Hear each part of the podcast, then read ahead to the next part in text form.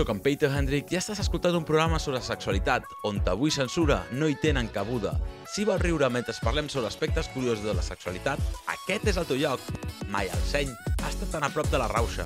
Apuja el volum, posa't còmode i gaudeix el trajecte. Propera parada. Sex Rovires!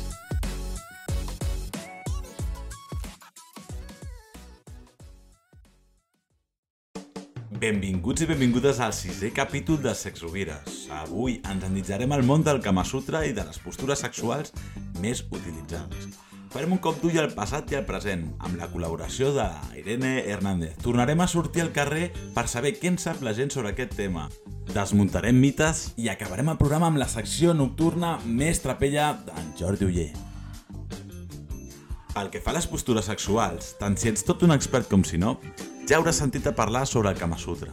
Tot i així, avui farem que canvis la teva postura sobre aquest tema i que passis de l'estrelleta de mar a la flor de loto. Estàs preparada? Doncs comencem! Em sabries dir què és el Kama Sutra? Partim de la base que és un llibre antic hinduista que tracta sobre el comportament sexual humà i on s'ensenyen nombroses postures sexuals. Però el Kama Sutra és molt més que un llibre, és una guia per involucrar-se en el sexe fins al punt d'elevar-lo a un art, que va més enllà dels aspectes físics per arribar als espirituals. I parlant de guies espirituals, quines històries ens portes avui, Irene? Hola, Peter. Doncs avui us porto un recull de Kama Sutres, perquè és evident que l'escrit del filòsof indi Vatsyayana és tan conegut com la Coca-Cola. Però què et sembla si viatgem una mica més enrere de la seva publicació? A on ens portaràs ara? Doncs mira, aterrem al nostre estimat Egipte, sobre l'any 1500 abans de Crist, i trobem el papir eròtic de Turí, que té al voltant de 3.500 anys. Està considerat com el document sexual més antic de la història. Va ser descobert a Egipte als principis del segle XIX i apareixen representades en 12 vinyetes diferents conductes sexuals de l'època. Pels curiosos, es pot visitar el Museu Egipci de Turí. Hòstia, Irene, com t'agrada parlar d'Egipte, eh? Es nota que ets tot una, una faraona pel que fa a la història. Quins textos més podem trobar? Doncs mira, anteriors, a, anteriors al Kama Sutra encara podem trobar molts més, però per exemple anem a Grècia. Durant el període de l'Antiguitat clàssica, que vull dir de forma àmplia, diguem que del segle VIII abans de Crist fins al 5 després de Crist. Els manuals Mhm. sobre sexe van aconseguir una gran difusió. Un molt popular va ser el tractat de Elefantis.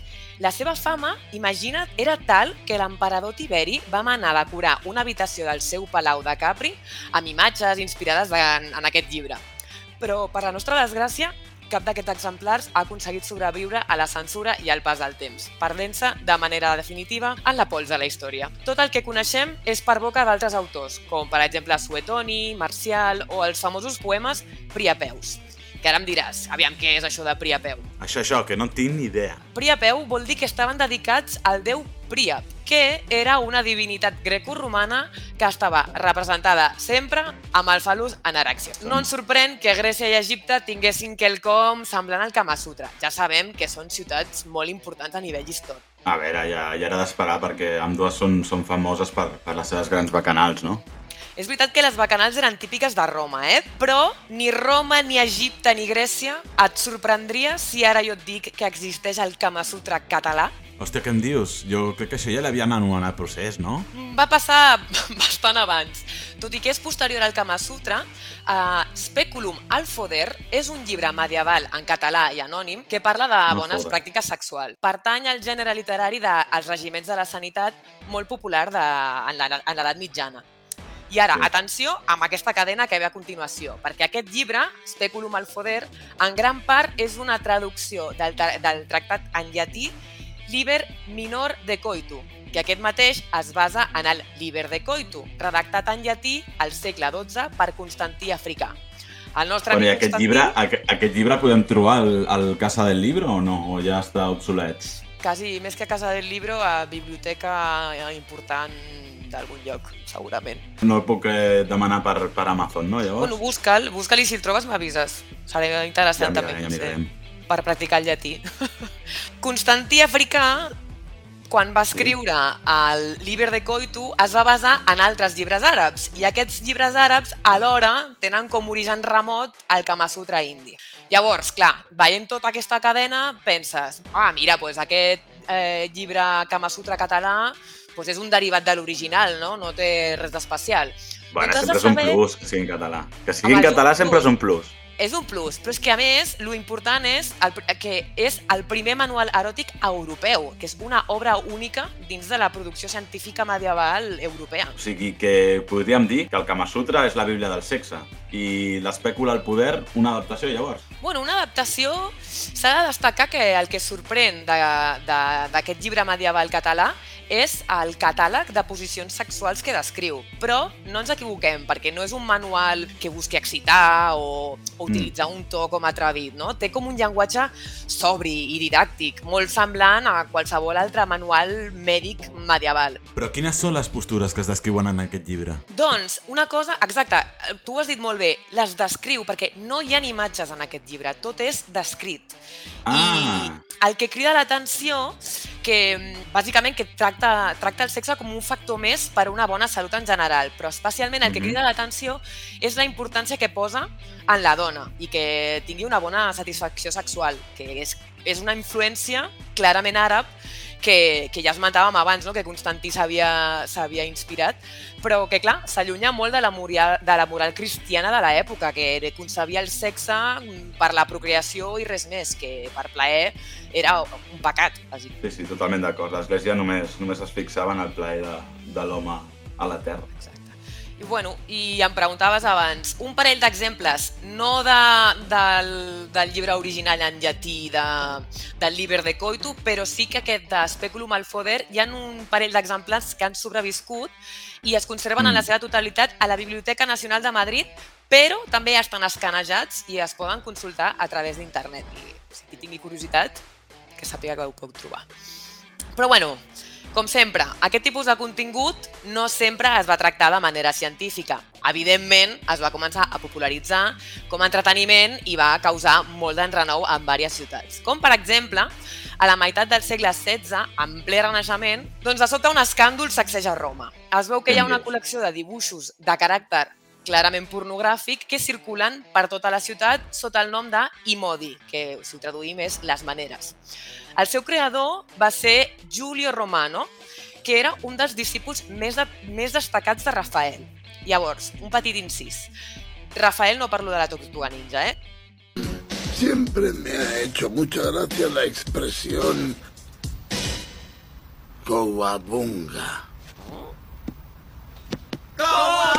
Coabunga. sinó a l'autor d'aquesta pintura tan famosa que es diu l'Escola d'Atenes, que es representa Aristòtil i Plató, aquests personatges que ens han fet estudiar sempre, Mm -hmm. doncs um, va ser discípul d'aquest pintor. Hòstia, a mi em plata al cap, perquè acabes de... de parles d'història. Fots un incís de les tortugues ninjas. I a sobre per, em fas venir ganes de menjar pizza. O sigui, i tot me, en menys d'un segon. Em declaro superfan teu, Irene. Superfan. Si t'ha entrat gana, mira, mentre t'acabo d'explicar el que va passar amb el Julio, el pots demanar un Uber Eats i jo et vaig explicant mentre t'arriba la pizza. comandar-ho Ara. Vaig a demanar-ho ara per l'Uber. Doncs pues mira, mentre t'arriba la pizza, torno amb el Tu què vols, una quota staccioni o què vols tu? Bueno, sí, una cota satxoni estaria bé, va, vinga. Vinga, vale. Tornem amb el Julio, que el que havia fet... Eh, havia pensat, dic, home, jo ja tinc aquestes, aquestes pintures, doncs les cedeixo i la, la, que, que així em trec uns diners no? si, la, si les venc en, Mm. el, en el mercat negre. No? I el gravador Marco Antonio Raimondi pues, va, va, fer, va fer còpies i, com era d'esperar, van córrer com la pólvora. Ma, ma que cosa fai, Julio? Ah, o sigui, ja, ja, ja se sabia que anava a passar alguna coseta dolenta, tio. Ah, exacte. I t'ho has d'esperar, Julio. I tan dolenta que, clar, doncs comença una persecució per part del papa, que en aquell moment era Clement VII, fent Sí. crema tota l'obra i empresonant Raimondi.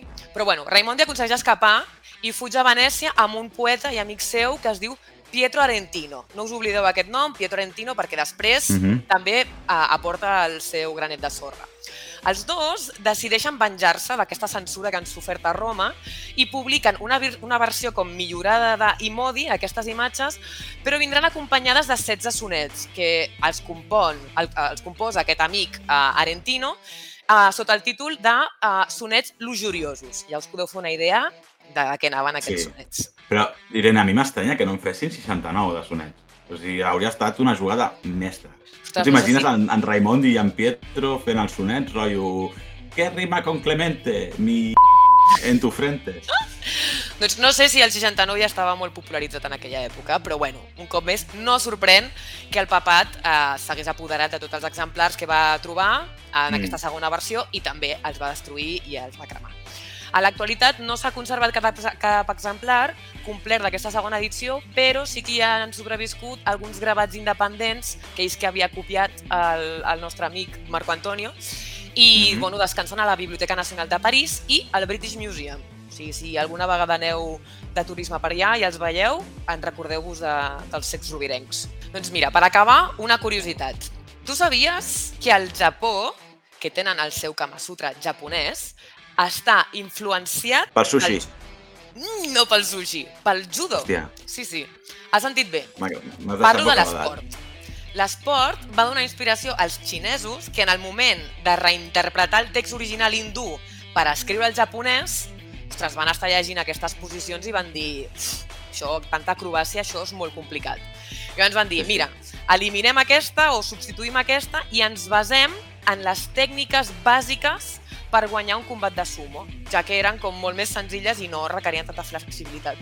I llavors per això hi ha moltes semblances entre el sumo i el Kama Sutra japonès. A veure, llámame loco, però jo no m'imagino dos lluitadors de sumo fent el caballito de mar o l'amazona invertida. Buah, I a més amb, amb, amb lo grans que són aquests, aquests jugadors, eh? vull dir, tela marinera. I parlant de tècniques bàsiques per guanyar en combat, avui us porto una secció molt, molt xula i parlaré sobre l'anticama sutra i les postures bàsiques per fer sexe. A veure, tots sabem que el Kama Sutra és el crossfit del sexe. De les 64 postures que proposa aquest senyor al Vatsayana, en sobren 59. O sigui, aquest llibre serà tot un milionari que vulguis, Irene, però té unes postures que físicament són impossibles. I ni els gimnastes ni els atletes més preparats del món les poden fer. La cosa no va d'anar trucant a l'ambulància perquè has volgut fer la posició 30, sinó de saber quin número és el que has de fer per no acabar trucant al 112. És que, saps què és lo fort de tot això? És que l'escriptor Vatsayana havia fet un vot de castitat i mai va tenir relacions sexuals. Per tant, aquestes 64 posicions que va descriure en el seu llibre, el més probable és que no hagi avaluat la viabilitat de cap d'elles. Molt fort. Això és com quan veus un, jo què sé, quan tens gana i menges amb la vista, no? Com et diuen, dius, hòstia, tinc ganes de menjar amb aquest pastís o aquests bollos que tenen molt bona pinta. Però al final no, no acabes menjant-te ni un rosco. No, no, t'imagines el Però bollo, bueno. però aquest no se l'ha menjat mai. Pues tu saps el que és l'anticama sutra, tu et sona això? No l'havia sentit mai, mai, mai. Pues, com diuen els seus creadors, és un manual d'ús per a persones normals. I es tracta d'un còmic amb dibuixos de l'il·lustrador bretó Arthur Depin amb textos de la sexòloga francesa Maya Mazoret. I el propòsit d'aquest llibre és acabar amb el mite del Kama Sutra i proposen postures que són anatòmicament possibles per trencar amb aquesta tendència que tenim de, de fer croquis o manuals d'instruccions del sexe. Menys mal, menys mal que van aparèixer. Aleluia, no? doncs sí, jo crec que mm, per trobar postures sexuals noves no, no cal ser contorsionista ni formar part del Cirque du Soleil, sinó que un ha de ser conscient de les seves capacitats i buscar postures adequades. I aquestes poden ser clàssics com la, la flor de lotus o més atrevides, atrevides com, com la carretilla. Però bueno, que el més important és que tris el que tris, que es mantingui la flama viva i evitar que acabar lesionant durant l'intent. Bueno, si no tindries molt mal record. I si això de buscar postures et fa molta mandra, ara farem un joc amb la Irene i en Jordi, però vosaltres també hi podeu participar. Teniu ganes de saber de què va aquest joc? Sí, sí, i tant. Sabeu per on anirà la cosa o no? Home, sabent què és el Kama Sutra, m'imagino que vindrà com una versió 2.0, una, una versió sexrovirenca. Bueno, jo us faré la versió sexovirenca de l'antic Kama Sutra. I he buscat tres postures que són anatòmicament possibles, perquè no us feu mal. Doncs, o sigui, jo faré una descripció d'una postura i us donaré tres opcions i heu de triar-ne una. Us mola el tema o què? La qüestió és tindre la posició d'opinar, no? Sí, sí, sí, sí. Que tinguis una bona postura a l'hora d'opinar. Doncs comencem. Us en recordeu quan éreu petits i hi havia nevat al carrer i sortíeu i us estireu al terra per fer un angelet? En plan que movíeu els braços i les cames com un boig? Doncs aquesta postura no té res a veure. Ah, vale. Eh, Molta ajuda. Aquesta postura és una mena de missioner invertit. No sé si teniu en ment el que és el missioner. mhm. Vale, perfecte. Doncs és un missioner invertit i funciona així. Ella es posa eh, cap per amunt i ell cap per avall. I l'entrecuix dels dos es troben a la mateixa alçada. Fins aquí tot clar? Jo Sí. crec que sí. Vale, seguim. Seguim amb les cames. Ell les posa a costat i costat de la seva parella, mentre que ella rodeja el cos d'ell amb les seves cames, rotllo koala, per, poder elevar una miqueta el pelvis i facilitar la penetració. I ara venen les tres opcions que jo us dono per el nom d'aquesta postura.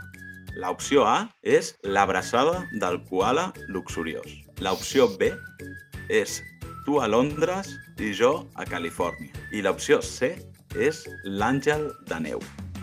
A veure, el primer que faci Mec és el primer en respondre. Jo dic la A. Si no, si no hi ha Mec, no hi ha resposta, va. Ah, Mec. Mec! Va. Jo dic, per, per les pistes que ens has donat, jo et diria l'abraçada del koala luxuriós. Sí? Vinga, va, jo me la jugo... Rebote, rebote. Rebote? Sí, jo me la jugo amb l'Àngel de Neu. Vale, perfecte. Doncs aquest cop li ha guanyat en Jordi, amb l'àngel de neu. Premio! Què és això, de l'abraçada del koala luxuriós? A veure, Irene. Home, m'havies dit que no tenia res a veure amb l'Àngel de Neu que feia de petit, doncs ja he descartat Sí. l'opció neu i com nom parlaves d'un koala, doncs dic, serà la- el koala lujurioso. És com el, de què color és el caballo blanco de Santiago, no? És el mateix. Venia... Sí, Sí, jo està donant la minipista, tio. Ho, ho, ho he notat això, dic, aquest ens està jugant a la contra. A veure, seguim. Com que no tot és penetració en aquesta vida, us porto una postura per practicar sexe oral de manera diferent i a sobre, si vols, hi pots afegir algun accessori sexual. Com us quedeu? Guai, no? Versàtil, versàtil, molt Vinga, bé. a por ello, a por ello. Doncs en aquesta posició, una persona ha d'estar d'en peus i l'altra enfront agenollada. La persona que està en peus ha de col·locar una de les seves cames sobre l'espatlla de l'altra, rodejant el seu cap. Però, ojo, no l'escanyen que la liarem pardes. I si voleu que la cosa sigui més interessant, podeu utilitzar accessoris per immobilitzar-la. En aquesta posició, l'ordre no altera el producte, així que podeu fer torns per, per fer-la. O sigui, tampoc pots començar tu i la, o la teva parella o viceversa. I us dono tres opcions. Opció A, l'estandard. Opció B, el picaparet. I opció C, l'enxaneta. Mac! A veure, Jordi. Vinga, va. Sí, jo me la jugo amb el nom que m'ha fet més gràcia, la B, el picaparet. A veure, rebote. Irene. Ostres, doncs jo he sigut molt fan de la, la proposta Enxaneta. La veritat, m'ha agradat molt Enxaneta? aquest nom. Em quadra amb la descripció. Doncs cap dels dos ha guanyat. És Ostres. l'opció A, l'estandard. A veure, anem per la tercera. És com la posició del missioner, on la persona penetrada es situa cap per amunt amb les cames entreobertes. I qui penetra es col·loca a sobre, cara a cara. La diferència del missioner és que en aquest cas, qui està al damunt es posa en perpendicular al, al del qui està a baix, formant una creu o una X. Aquesta posició ens permet fer coses interessants sense que siguin massa complicades. I us dono tres opcions. Opció A, el factor X. Opció B, tu sí que vales. I opció C, cara o creu. Mec! Vinga, jo Irene. diria... Uf, Factor X. Molt bé! Sí, bravo! Sí, a la primera! No m'ha deixat opció. A veure, tu quina gaire has dit, Jordi? No, jo anava a dir cara o creu. No? Cara o creu? És que sempre agafo el nom que em faci més gràcia. Sí, sí, tires una moneda i a veure, Exacte. a veure lo que surja. I parlant de sorgir, ara passarem a la part que més us agrada i sortirem al carrer per tafanejar una mica i saber com d'informada n'està la gent pel que fa a les postures sexuals. Què és el Kama Sutra? Un llibre de postures sexuals. No tengo ni idea. És un llibre de postures sexuals. Eh, es un libro de, donde están todas las posturas sexuales. Es un libro de sexo. Un libro bastante antiguo, si no me equivoco, de la cultura hindú, en el que se muestran diferentes posturas sexuales. El Kama Sutra és el llibre de les postures postures sexuals de tota la vida. Diferents postures sexuals. Quina és la teva postura sexual preferida? Balancín. El noi sota i la noia amunt, amb les cames creuades. Actualmente no tengo. Soy un clásico, al misioné. Soy bastante básico, en verdad. Creo que es missionary, porque me gusta... Darlo todo. Sí. Yo encima no me sé el nombre técnico. Inventa't un nom. La postura del jinete pálido. I per què pàl·lid? Porque ya empieza a hacer frío, ¿no? Un poco. O acabas todo blanco al final, no? Eh, Sí. Mm, la de Loto. Quina és aquesta? Eh, la que estan els dos eh, segurs, però ella damunt d'ell. Uh, del gos. De què es tracta? De posar a quatre pates. Tu poses a quatre potes, no? Et posen a tu. No, a la dona.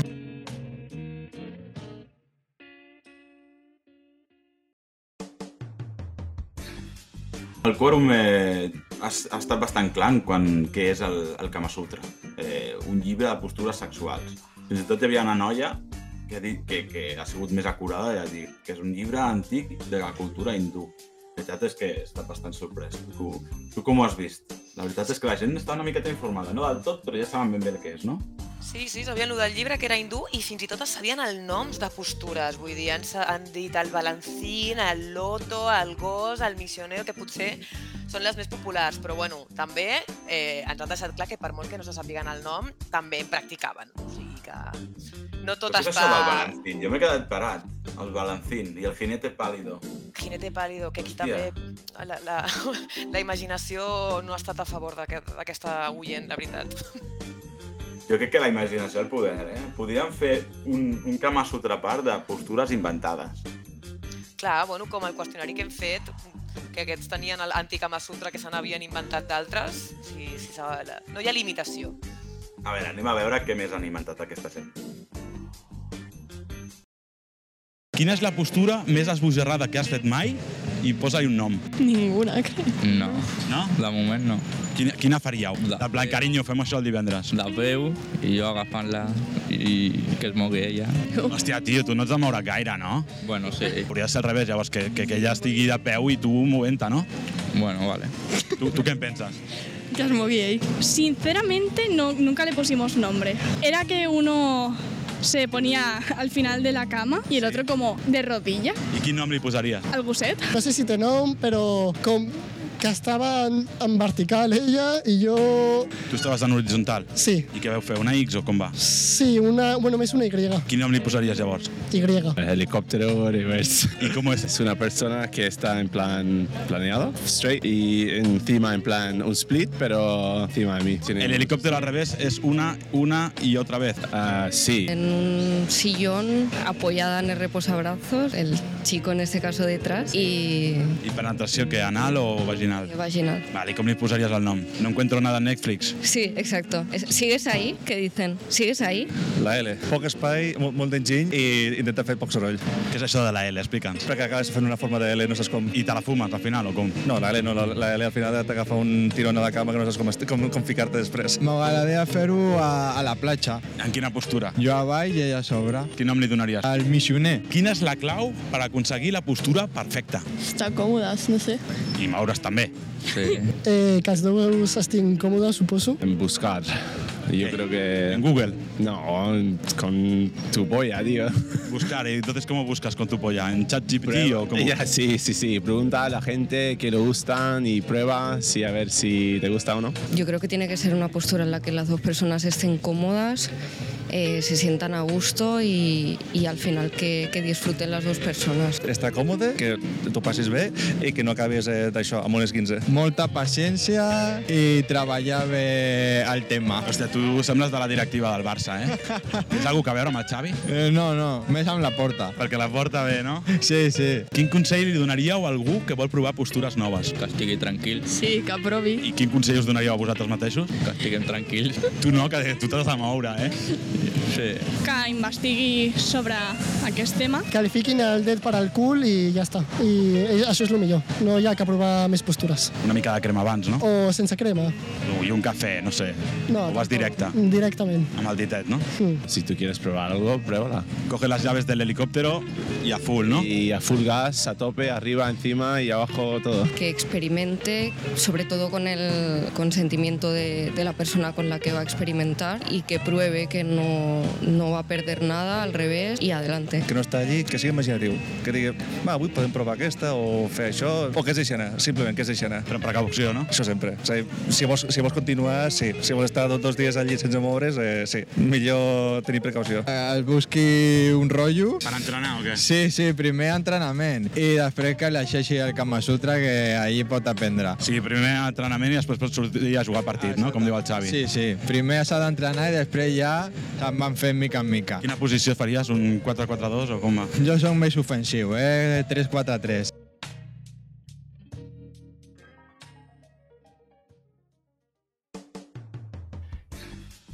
Mare meva, Irene, que es mogui ella i jo de peu. O sigui, això d'igualtat res, eh? Ho portem bastant fumut, eh? Que, que, com, quina colla de vagos estem fetes, tios. Que es mogui tothom, una miqueta, 50-50, no? Exacte. Però bueno, i això de... Tu, tu havies sentit mai això de, de posar-te al costat del llit i un desenoll de, que li he posat el nom del gosset? Jo no en tenia ni idea d'aquesta postura. Se l'estan inventant. Pues tampoc em sonava gaire, eh? Que, La és, Y. és casera, és casera, esta postura. Hem de fer un llibre amb postures inventades, el que estàvem dient. La Y, a mi m'ha matat. O l'helicòptero al revés, una, una i otra vez. De aquesta. Encara no l'he entès. No, crec que m'ho hauré de tornar a escoltar, aviam si l'entenc. La veritat és que tenim, tenim fenòmenos. Això de la L m'ha matat. Jo pensava que estava parlant d'un pet, el tio aquest, i res- resulta que no, que estava parlant d'una d'una postura sexual. I després per, ja, ja em remata el tio aquest que, que justament diu ella sobre, jo sota a la platja i tal, el missioner.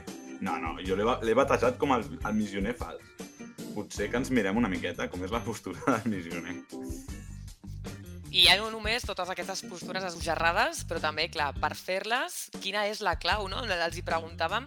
Jo crec que hi ha una que, unes que són una mica evidents i les altres que potser no ho són tant, però les que són evidents és que has d'estar còmode i que has de tenir la mentalitat de gaudir-ho i passar-ho bé, com han dit molts d'ells. I després les altres que potser no són tan evidents mm, i les, les volem recordar que també les, les han dit, és moure's és una clau, perquè si no et mous em sembla que no arribaràs gaire lluny i sobretot tenir paciència. Home, perquè jo si crec que era, era evident, no? Clar, moure's i tenir paciència potser no és tan evident, però quan t'hi poses et donaràs compte que és molt necessari, segurament. Bueno, i els consells bàsics també, que estiguem tranquils. Bueno, aquesta parella estava massa tranquil·la. O sigui, que es posi més nerviosos aquesta gent perquè estan massa tranquils. Però bueno, en general, nois i noies, poseu-vos tranquils, eh, investigueu. Eh, això de ficar el dit pel cul ja, ja va per gustos, no? Però bueno, no sé, si vols provar, prova-ho. Però bueno, és el que, el que deien, no? Fer-ho amb precaució. I primer entrenar i després sortir a fer el partit, no, Irene? Clar, una mica escalfament per part doble. Potser primer un escalfament a nivell muscular, no? Estirem una miqueta, bessons, una mica de, de flexions i després l'escalfament més evident. I parlant d'escalfaments, Jordi, tu ja, ja has escalfat bé per sortir a jugar al partit o què? Home, jo la veritat és que he escoltat el Pep Guardiola i el 3-4-3 m'ha agradat bastant, eh? Home, jo també soc molt fan d'aquesta posició. Però bueno, aquí no hem vingut a parlar de futbol. Per- Hem vingut a parlar de mites, no, Jordi? Exactament, o sigui, anem a la secció de mites. Comencem pel primer. Fer sexe no es pot utilitzar per combatre l'estrès. Com que no?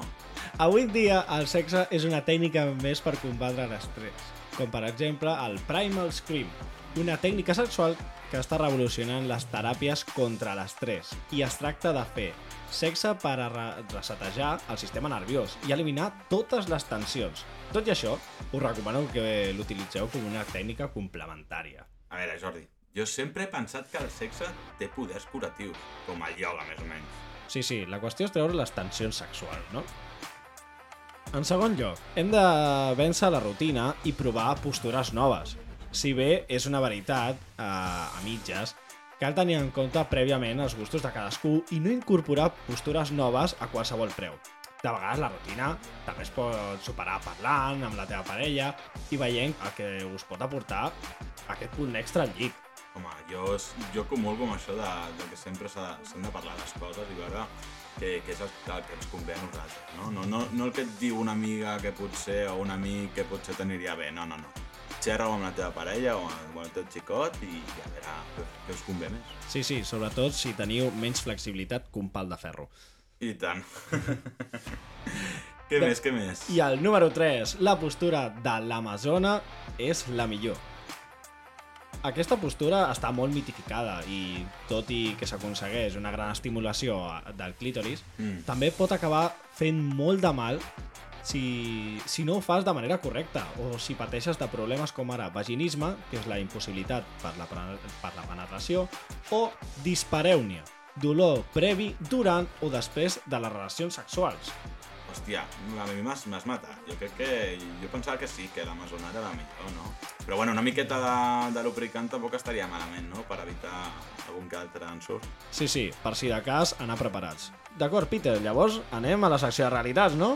Ja sabeu que jo sóc molt real i he portat aquí tres realitats que us quedareu mm, bocabadats. La primera, el Kama Sutra no és un llibre de postures sexuals. No em fotis, jo pensava que era el manual d'instruccions. Home, eh, hem sentit els àudios aquests de les entrevistes, tothom dir que Kama Sutra és un llibre de postures sexuals. A veure, més aviat és un tractat que inclou les bases de la unió eròtica entre home i dona, però no és, no és un manual. O sigui, que res de buscar-ho a l'IKEA. No, no, no, no, no. I això de l'IKEA sempre surt malament, perquè les instruccions no, no les entenen ni ell. I parlant de números màgics, el 69 no és un número màgic. Ja ha perdut el compte. A veure, t'explico, Jordi. Rarament, l'alçada i la complexió de la parella encaixa a la perfecció i pots acabar rebent un cop de genoll a la cara. No sé com ho veus. O sigui, hauria de tenir la mateixa alçada perquè la cosa vagi bé. O sigui, l'important és no tindre un pal de billar i fotre-li tissa, no? Home, no sé què té que veure això amb el 69, però bueno, No sé, fe, feu-vos vosaltres la imatge. a tu bola. Cuidado. A veure, número 3. Fer sexe sense mirar-se no és menys romàntic. O sigui, aquí no vale el si no mires no està.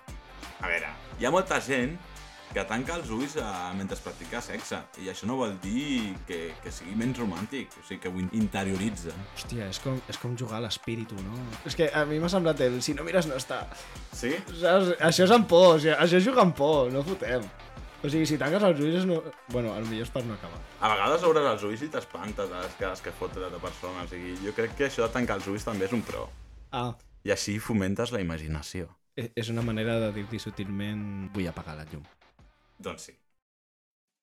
Bueno, ara que ja hem parlat de postures sexuals, de que hem parlat sobre una miqueta de la història, els mites i les realitats, ara toca el moment de relax, on el Maculler desprendrà la seva màgia en directe, dels racons més inhòspits de la nit. Què ens portes? A veure. Doncs mira, parlant de mags, abracadabra, o sigui, i parlant sobretot de foscor, avui vinc a parlar del moment abans de les postures.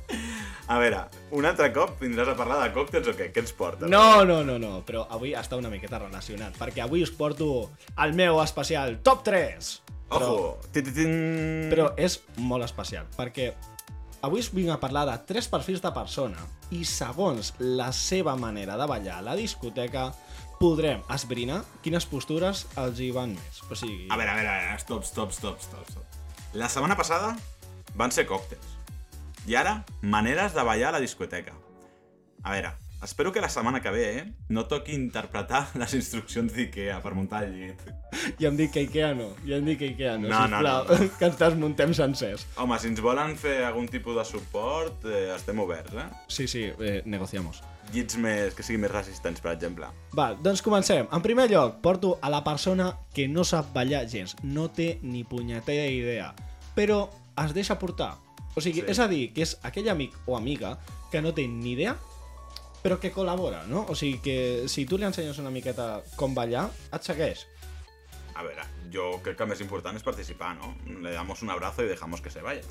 Sí, sí, però per mi jo diria que és la persona que si dius on vols, a dalt o a baix, sempre que et dirà a baix. O sigui, bueno, on et vagi millor. Però sí? normalment sol ser a baix. Home, és cooperatiu. Doncs anem amb el número 2, que és el estil propi. Una persona que de veritat no té ni idea però que ho intenta. O sigui, això és, això és anècdota, eh? O sigui, no és ficció. Tinc un col·lega que és un fenomen. O sigui, a l'hora de ballar, o sigui, és una mescla entre artista i pallasso. Perquè s'ho inventa tot. O sigui, penso que a l'hora del sexe, en comptes de fer la cullereta, et fa la forquilla. Però Jordi, tu saps el que tens si ajuntes artista i pallasso? Digue. Tens un artistasso. Oh! Oh! Ojo! Ojo! Doncs aquest comentari és com el top número 3 que tenim al pro. O sigui, Ojo. a, aquesta persona que si li fas una pregunta, que si eh, la pregunta, la mítica de a dalt o a baix, et dirà sempre a dalt. A dalt. Mm. Val, aquesta persona és la que s'ha mirat 50 classes de bachata i salsa i et fa els moviments més sexis del món. Pur moviment dels malucs, bona adherència i les posicions més salvatges. A veure, jo crec que és el, el CR7 de la nit, no? T'imagines? Tu t'imagines un, un d'aquests vídeos que van rolant per, per TikTok de, motivacional del, del Cristiano, però que sigui per sortir a ballar? En plan, eh, eres el más guapo do mundo, somente tienes que sair a confiar no resultado. Xiu. bueno, no sé si ha sortit gaire bé la interpretació, però estava intentant imitar el CR7. Eh? Bueno, bueno, ha, ha estat... Bé, no? Eh, sí, és com el segon lloc, com després de Messi. Vale, no, no farem comentaris de futbol, hem dit que no parlàvem de futbol. Quieto ahí, vale. I espereu, espereu, espereu, ja sé que he dit és un top 3, però a la meva secció no pot faltar el meu Special One. He's simply the best! I és el que no balla! Hòstia, a veure, a veure, a veure, a veure, com és això? Que no Aplaudiment! Balla? També incorpores el que no balla. Exacte, Per què? perquè aquesta persona és la que es queda enganxada a la barra, sense moure un múscul i amb la copa a la mà. O sigui, o sigui, sona la música i és que no es mou, sembla una estàtua, saps? O sigui, si li dius de ballar, no el treus ni de conya, o sigui, això el sexe... S'assembla al meu tiet, eh? Aquest amb un parell de cubates a la mà i tal, i d'allà no el moguis. No, no, no, no, no. A però molt et fa el reparte cartes i ja està, d'aquí no surt. Els que esteu enganxats a la barra amb 20-30 anys, moveu el cul. Això, el sexe també existeix, i la seva posició preferida és... Prrrr. El Patricia Estrella. A veure, Jordi, jo et dic una coseta. Sense, sense Patricios no hi hauria Bob Esponjas, eh? Però ahí lo dejo. Sí, sí, però t'ho imagina't el moment aquell que... Eh, o sigui, no ho feu, no ho feu, moveu-vos. O sigui, tant a la pista de ball com al llit. No sigueu vagos. Doncs gràcies per aquest missatge, Jordi. Això ha estat tot per avui. Tornarem aviat amb més temes com ara els orgasmes o l'estat d'enamorament. No t'oblidis de seguir-nos per les xarxes al nostre compte d'Instagram sexovires.cat, a Spotify o a YouTube simplement sexovires i si vols que parlem d'algun tema en concret no dubtis en enviar-nos un mail a sexovires.cat arroba gmail.com I recorda, ara ja ets un sexovirem més. Fes que el món ho sàpiga.